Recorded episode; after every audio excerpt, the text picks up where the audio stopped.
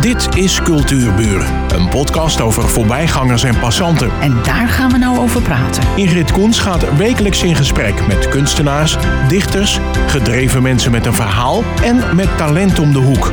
Vandaag gaat ze in gesprek met Gerard Huibers. Saturnus. De Herugewaardse sterrenwacht werd opgericht met de doelstelling het publiek kennis te laten maken met de sterrenkunde, de ruimtevaart, informatica, natuur en techniek. In het begin gebeurde het waarnemen op het schoolplein. Daar werden de telescopen opgesteld. Een vaste opstelling was er toen nog niet. Er werd een lokaal ingericht als werkplaats en daar werden de eerste telescopen gebouwd. En de hoofdtelescoop, een houten 38 centimeter Newton, was het pronkstuk van de sterrenwacht. Gerard, kun je me vertellen waarom dat nou een pronkstuk is? Vertel, hij is hout. Uh, voor die tijd was het een van de grootste telescopen die door een amateur was uh, gebouwd. Dit in tegenstelling tot de telescopen die er al waren. Denk bijvoorbeeld aan de Sterrenwacht Leiden en Utrecht, de oudste van Nederland. En door een amateur, uh, dat is natuurlijk geweldig. En 38 centimeter wil zeggen de doorsnee van de lens? ja, dat is de spiegel. De, Oh, de de spiegel. opening, de opening. Door de opening krijg je zoveel mogelijk licht. Die wordt door een eh, holle spiegel wordt die gebogen naar een oculair. En dan kan je dingen waarnemen.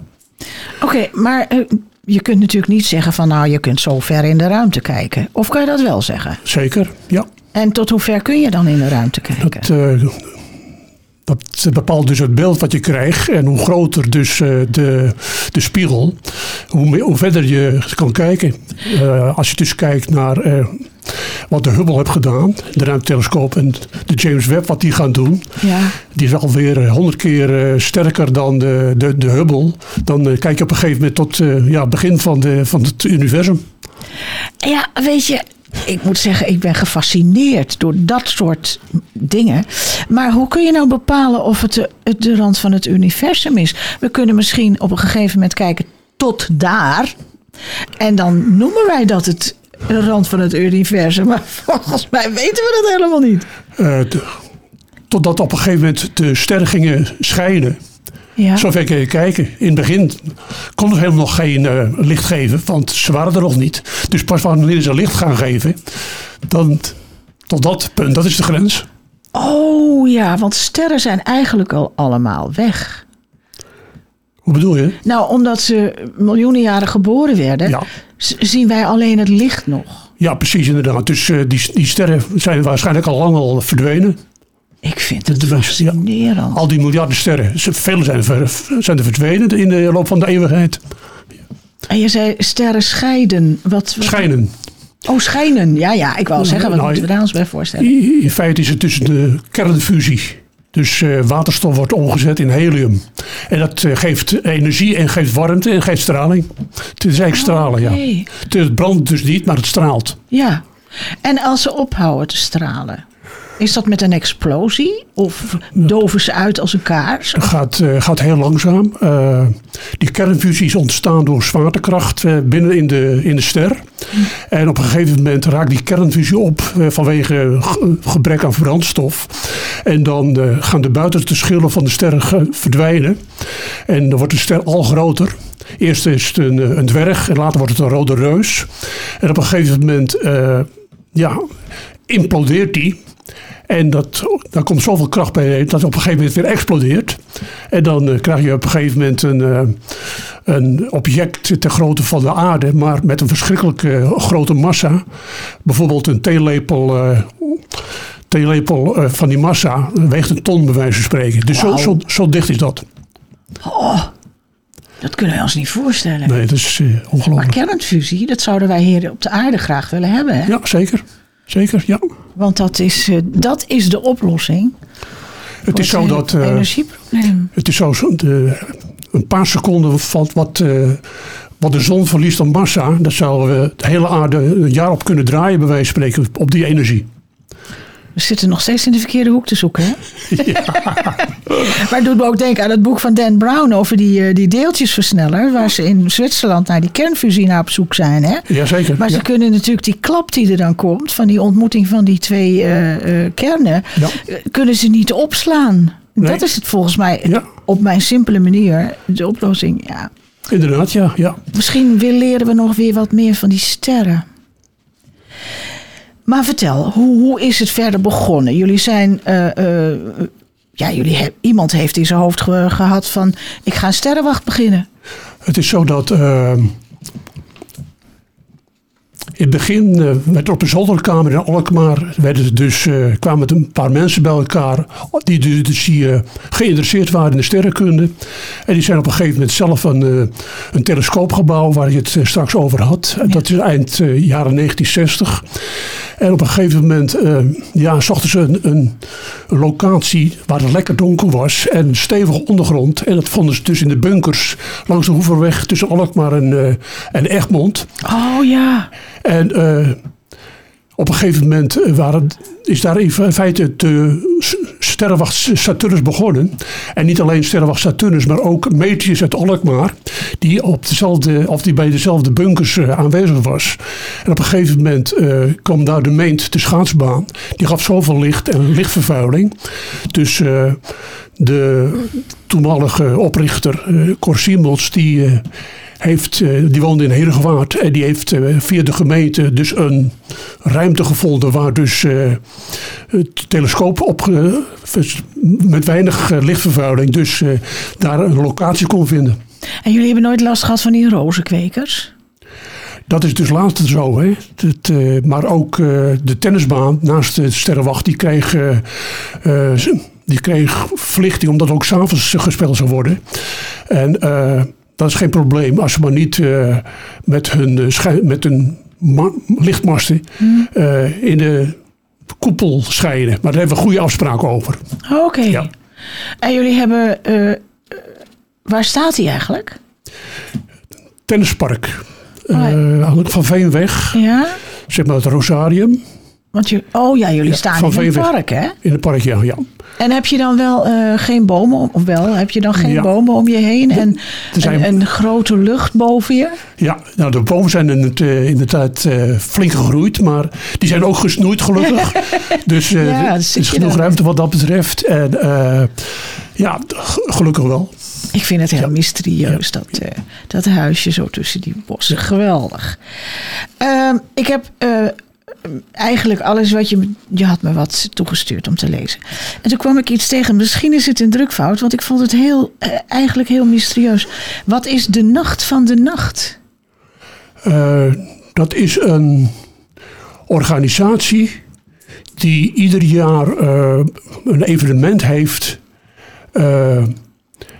gaat eigenlijk vanuit de milieubeweging. Om zoveel mogelijk licht uit te doen voor bedrijven, voor huizen, eh, lantaarns. En eh, dat is op een moment, dat is, meest- dat is meestal eh, de overgang van de zomer naar de wintertijd.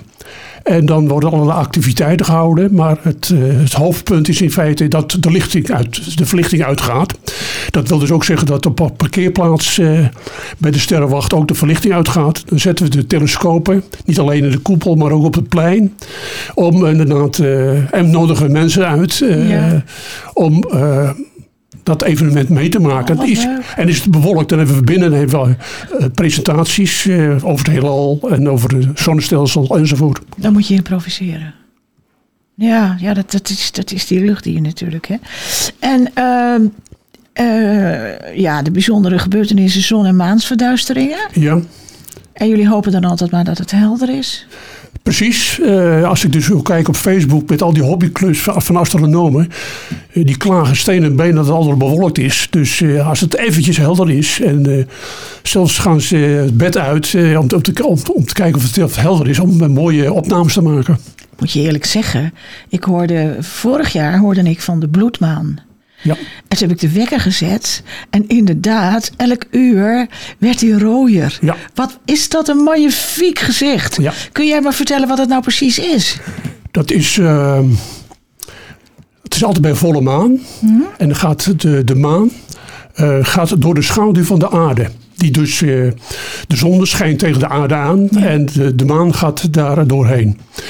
En eh, Jij vindt dat een, een- heb je mij verteld, vind jou een mooi fenomeen. Ja. Ik heb even voor jou opgezocht Ja. of er ook bloedmaanden zijn dit jaar, in mei en in oktober. Maar helaas, het is overdag. Oh, dan kunnen we het niet Dus- zien. Oh, dat is ja. Oh, dan heb ik wel mazzel gehad, hè? Ja, precies. Ja, ja want het eh, kan ook wel eh, inderdaad dat het overdag eh, gebeurt. En dat geldt ook voor zonverduistering. Dat het op een andere plaats op aarde is, bij wijze van spreken. Dus die, die maansverduistering die bij ons overdag is, die is bij wijze van spreken in Azië of in Amerika. Is, Ja, is, ja. Is, ja dus als je toevallig met vakantie daar bent. Dus, Nou, maar ik heb het in Nederland gezien. Uit mijn ja. slaapkamerraam. Geweldig. Oké, ja. ja. Trouwens, even een compliment, eh, Gerard. Je, je legt alles heel duidelijk uit. Oké. Want het is je. natuurlijk een ontzettende eh, moeilijke materie. Ja. Maar ik begrijp het allemaal nog steeds. Oké, prima. En dan, eh, wat ik ook leuk vond, was de cursus die jullie geven. Ja, daar kwam ik een paar dingen tegen. En dat stond bijvoorbeeld in les 1, zon. De ware aard van de zon. Nou, dat was voor mij eh, nieuw. Wat is de ware aard van de zon? dat die eh, op een gegeven moment eh, danken wij ons leven aan de zon. Ja, qua warmte, qua Licht. licht, qua, Ja. qua licht. En, maar buiten de dampkring is natuurlijk een, eh, ja, onze grote vijand. Want eh, boven, daar, daar is sowieso wel een vacuüm. Maar hoe dichter je bij de zon komt, hoe... eh, ja, er zijn ook wel eens zonnestormen. Ehm, recent nog satellieten die dus niet konden in een baan konden komen omdat er een zonnewind was, die dus die, die satellieten terugdreven in de dampkring en daar verbranden. Dus, oh ja. En ook de zon wordt steeds actiever. En dat houdt ook in dat op een gegeven moment eh, ja, eh, het eh, elektriciteit of het ele- eh, op aarde dus uit kan vallen. Dat is in het verleden wel gebeurd op, op grote schaal. Dus En dat veroorzaakt de zon. dat veroorzaakt de zon, ja. Moet je luisteren, we hebben natuurlijk nu allemaal het, het milieu in het hoofd en de verandering van het klimaat. ja. Is dit al eerder voorgekomen op de zon? Het is zo dat. Het is een bepaald cyclus, cycli van de zon, dat die actief wordt en ook weer de activiteit afneemt. En dat is om de 11 jaar. Dus op het ogenblik heeft hij die inactiviteit is achter de rug. Dus er komt meer zonneactiviteit en dan kan je op een gegeven moment eh, dat verwachten. Het is ook zo eh, recent is er een satelliet ruimtevaartuig is gelanceerd naar de z- zon, die door de atmosfeer gaat. En meer, meerdere ruimtevaartuigen die de zon eh, bestuderen Ja. om te kijken hoe het zit met die uitbarstingen. En dat, dat eh, op aarde eventueel eh, daar maatregelen kunnen tegen getroffen kunnen worden. Maar ja, weten we dat dan nu pas? Je zegt het is een cyclus van, een van 11 jaar. Ja. Dan wisten we dat 11 jaar geleden toch ook al? Eh, ja, en men hoopt dus dat er eh, maatregelen eh, tegen ge- genomen kunnen worden. Dus Oké, dus dat doet die zon al om de 11 jaar en dan tot het, oneindige tenminste voor heel lang ja, geleden. dat is- kan ik zo voorstellen. Ja, ja, oké. ja. Ja, en er stond er nog één, dat is les 2. Je, je weet het natuurlijk al, de maan. ja.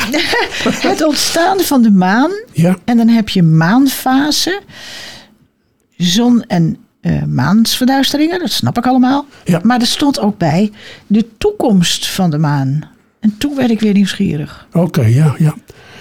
Eh, ik denk dat er op gedoeld wordt dat de maan op een gegeven moment eh, verder van de aarde afstand neemt. Ja. Het is maar een paar centimeter per, per jaar. Dus eh, Komt dat doordat de as van de aarde eh, beweegt of niet? het is, komt ook, eh, er zijn allerlei krachten in het zonnestelsel door de manen, door de planeten, vooral de grote planeet en de zon. Dat merk je ook met, met de getijden, dus eb en vloed. Dat is, komt ook allemaal door de zon en door de maan. En ik denk dat door die beweging eh, dat op een gegeven moment de, de maan afstand neemt van de aarde. Oké, dus, dus, dus allerlei beweging is, vi- vindt er plaats Ja, tussen die zon en die maan en die aarde. ja. Fascinerend. Even kijken, op de websti- op website van het tijdschrift Zenit, want daar verwijzen jullie naar. Als je naar de web- website gaat, zie je dan die link naar Zenit. Dat is een tijdschrift. Ja, Er stond een bericht over het mysterie van de zwarte gaten. Nou, dat vind ik geweldig. oké. Ik ja. heb daar zelf een keer een boek van eh, Hawkins voor gekocht. Oh ja, oké. Ja, die was daar natuurlijk. Had hij ze niet uitgevonden of zo? Of had hij er niet. eh, ja, had er studie naar gemaakt. In het centrum van de meeste sterrenstelsels bevindt zich één superzwaar zwart gat. Sommige van deze gaten voeden zich actief met het omringende gas en stof en stoten overtollige energie uit in de vorm van krachtige jets, die in het hele waarneembare heelal te zien zijn als quasars. Of quasars, hoe zeg je dat? Quasars, ik denk, eh, ik denk dat het Nederlands quasars is en eh, internationaal, is internationaal quasars. Hou het op Nederlands, quasars. Ja, quasi. het zijn quasi-sterren. Ja, vanwege, ik dacht al, Ja. vanwege die eh, gaten die zich voeden met gas en stof. En toen dacht ik aan wat jij vertelde, waar die sterren uit bestonden, Ja. die dus uit elkaar vallen. Ja. En het is een soort stofzuiger, dat zwarte gat. Ja, inderdaad. Ja, dat, inderdaad. En, Oké. en als het te vol wordt in dat zwarte gat, wat overigens. eh, het zwarte gat is in feite misleidend. Het is in feite. Het straalt geen licht uit. Dus ja, Kunnen jullie het zien? Kun je zo'n met, met, met jullie. ehm, nee hoor, nee. Niet. Nee, is veel, nee. ja, het is zwart op zwart, hè? Dus het is. Ook dat, ja. ja. Ja. En misschien herinner je nog, ehm, een paar jaar terug is er een foto gemaakt Ja, van een zwart gat. Ja. Dat is natuurlijk al eh, een fenomeen. En, eh, maar niet met die 38 centimeter eh, Oh, Newton niet. die eh, niet te zien. Nee. Dat, eh, waar streven jullie naar? dus we moeten het hebben van de, van de professionals. Ja, oké, dat snap ik. Dat snap ik. Maar zo'n zo'n zo'n quasar, hoe ziet dat eruit? Want je komt het in science fiction, films en boeken, kom je dat woord vaker tegen. Ja. Wat is het eigenlijk? ja, het is eigenlijk mysterieus. Ik heb er ook geen, geen goed antwoord op. En zoals ook neutronensterren en eh, quasars. Het, eh, het heeft te maken met quasi. Het, het lijkt op het een, maar het, het is het ander. Oh ja, dat Laat- is nog laat- een mysterie Laat, wat laat maar het zo zeggen, ja. Ja. Ja. ja. Ehm, ja, dan kom ik even naar een persoonlijke, persoonlijke vraag. Want ik neem aan dat jij ook geïnteresseerd bent in alles wat de sterrenwacht eh, aangaat. Want Ja. jij bent de man van de PR. ja. Ehm, wat is nou jouw persoonlijke, in, meest on- indrukwekkende gebeurtenis die jij live gezien of meegemaakt hebt? Het is zo dat eh, vroeger, dus jaren 50, 60, eh toen was het toch tenminste een, een heldere lucht. Toen kon je inderdaad nog de, de, zonne, de sterrenbeelden onderscheiden, de melkweg. Maar dat is tegenwoordig eh, niet meer te doen. Of je moet echt op een heldere plek zijn. Bijvoorbeeld op de Waddeneilanden zou, zou het kunnen. En eh, wat ik fascinerend vind, de planeet Mercurius, die het dichtst bij de zon staat, die is heel moeilijk waar te nemen. Eh hooguit bij zonsopgang of zonsondergang. En dan hangt het ook vanaf hoe ver hij van de zon afstaat.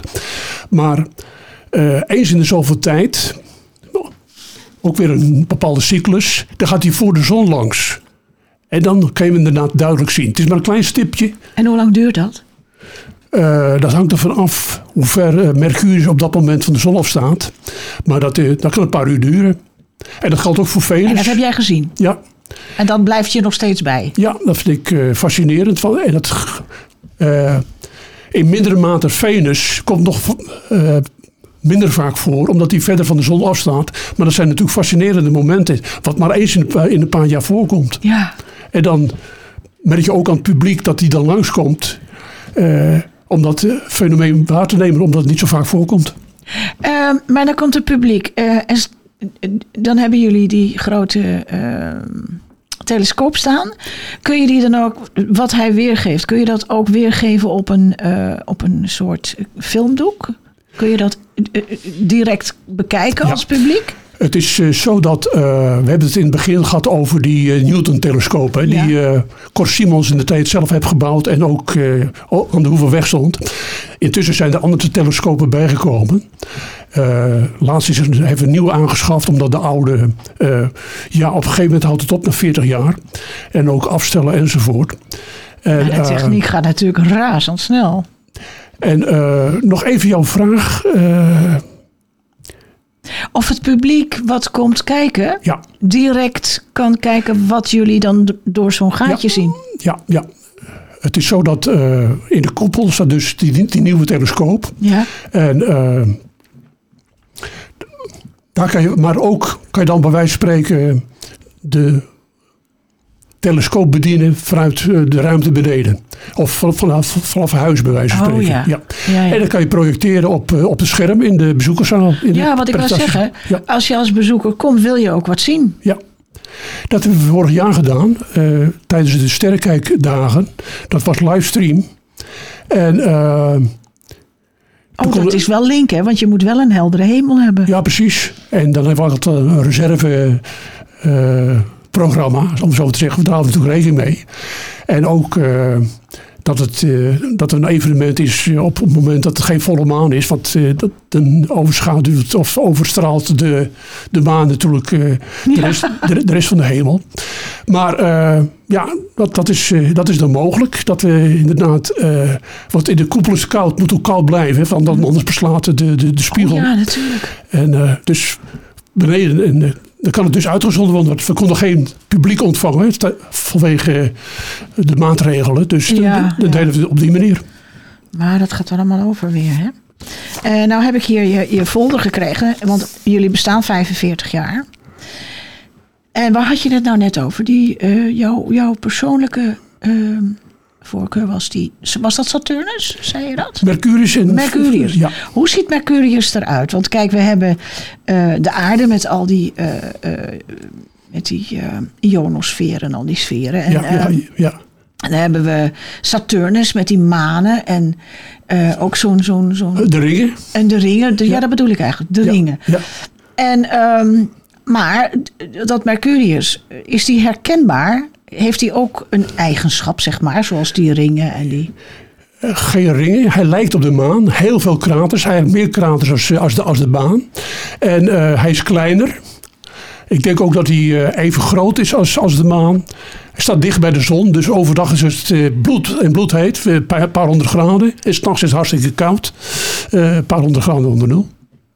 Ja, en dan zijn we nu op weg naar Mars, hè? Ja. Ja, ook. Ja. Maar ik heb nog, er staan natuurlijk prachtige fotootjes ook in, dat, in die folder. En wat ik ook weer heel erg leuk vond, waren die ehm, Saturnus, om eventjes eh, bij huis te blijven. Ehm, die, ehm, wat was het? Het Noorderlicht. Ja, wij noemen dat het Noorderlicht, maar hier staat eh Poollicht Ja, op zo. Saturnus. Ja. Het is net een moderne schilderij. Ja, ja, ja, ja. Ja, ja, ja. En in, een bepaald, in een bepaald eh, spectrum, hè. Hoe bedoel je dat? Eh, op een gegeven moment. eh, je hebt wit licht, maar je hebt ook eh, de kleuren van de regenboog. Ja. Dus op een gegeven moment, als je bepaalde filters gebruikt, dan krijg je dat effect. Oh, dus het ziet er niet echt zo uit. Eh, denk het niet. Nee, maar dat is voor het gemak om te zien wat het ja, is. precies. Wat, wat, wat, wat voor temperaturen daar is en zo. En dan hebben jullie ook een, een blad, hè? Dat blad, dat, Titan. dat, dat is wat je nu in je handen hebt. Dat, bestaat ook, dat bestaat ook 45 jaar. Oh, en Titan, wat is Titan? Dan moet, moet een sterrenkundige achtergrond hebben. Titan is, Dat de, woord. Titan is de grootste maan van, eh, van Saturnus. En aangezien de sterrenwacht Saturnus heet, dachten we, nou, dan doen we de grootste maan van, eh, van de Saturnus, noemen we Titan. Oh ja, er was nog iets wat mijn eh, nieuwsgierigheid opwekte. Want je zegt, ja, je hebt natuurlijk een, een, een, eh, een, een, een heldere lucht nodig. Maar ik kan me nog herinneren dat je inderdaad de melkweg kon zien. Waarom kan dat niet meer? Kassen, waar je het al over had. Oh, eh, ja. Al de straatverlichting van bedrijven. En wordt eh, ook eh, ja, gestimuleerd. Mensen kan het niet anders. Ze zeggen het is veiliger als er overal licht is. Maar je kan bijvoorbeeld ook met sensoren werken. Zodra er dus beweging komt op het terrein, dat het licht dan aangaat. Ja. Dat is bij je thuis, maar kan, kan bij bedrijven ook. En ook ja, kan het licht niet gedimd worden langs een snelweg enzovoort. Ja. Het heeft ook niet alleen te maken, het heeft natuurlijk ook te maken met de natuur, met flora en fauna, die dus daar last van hebben. Dus, Ja. En eh, Dan We gaan er wat aan doen, Gerard. Ja, Ik vind het een heel goed plan. misschien via dit, eh, deze uitzending. Misschien via deze uitzending. Ik ga nog even kijken. Eh, van Veenweg 98 in Herengewaard. Dankjewel dat je er was. Oké, graag gedaan hoor. Dit was Cultuurbuur, een podcast van Ingrid Koens en Streekstad Centraal. Bedankt voor de aandacht en tot de volgende Cultuurbuur.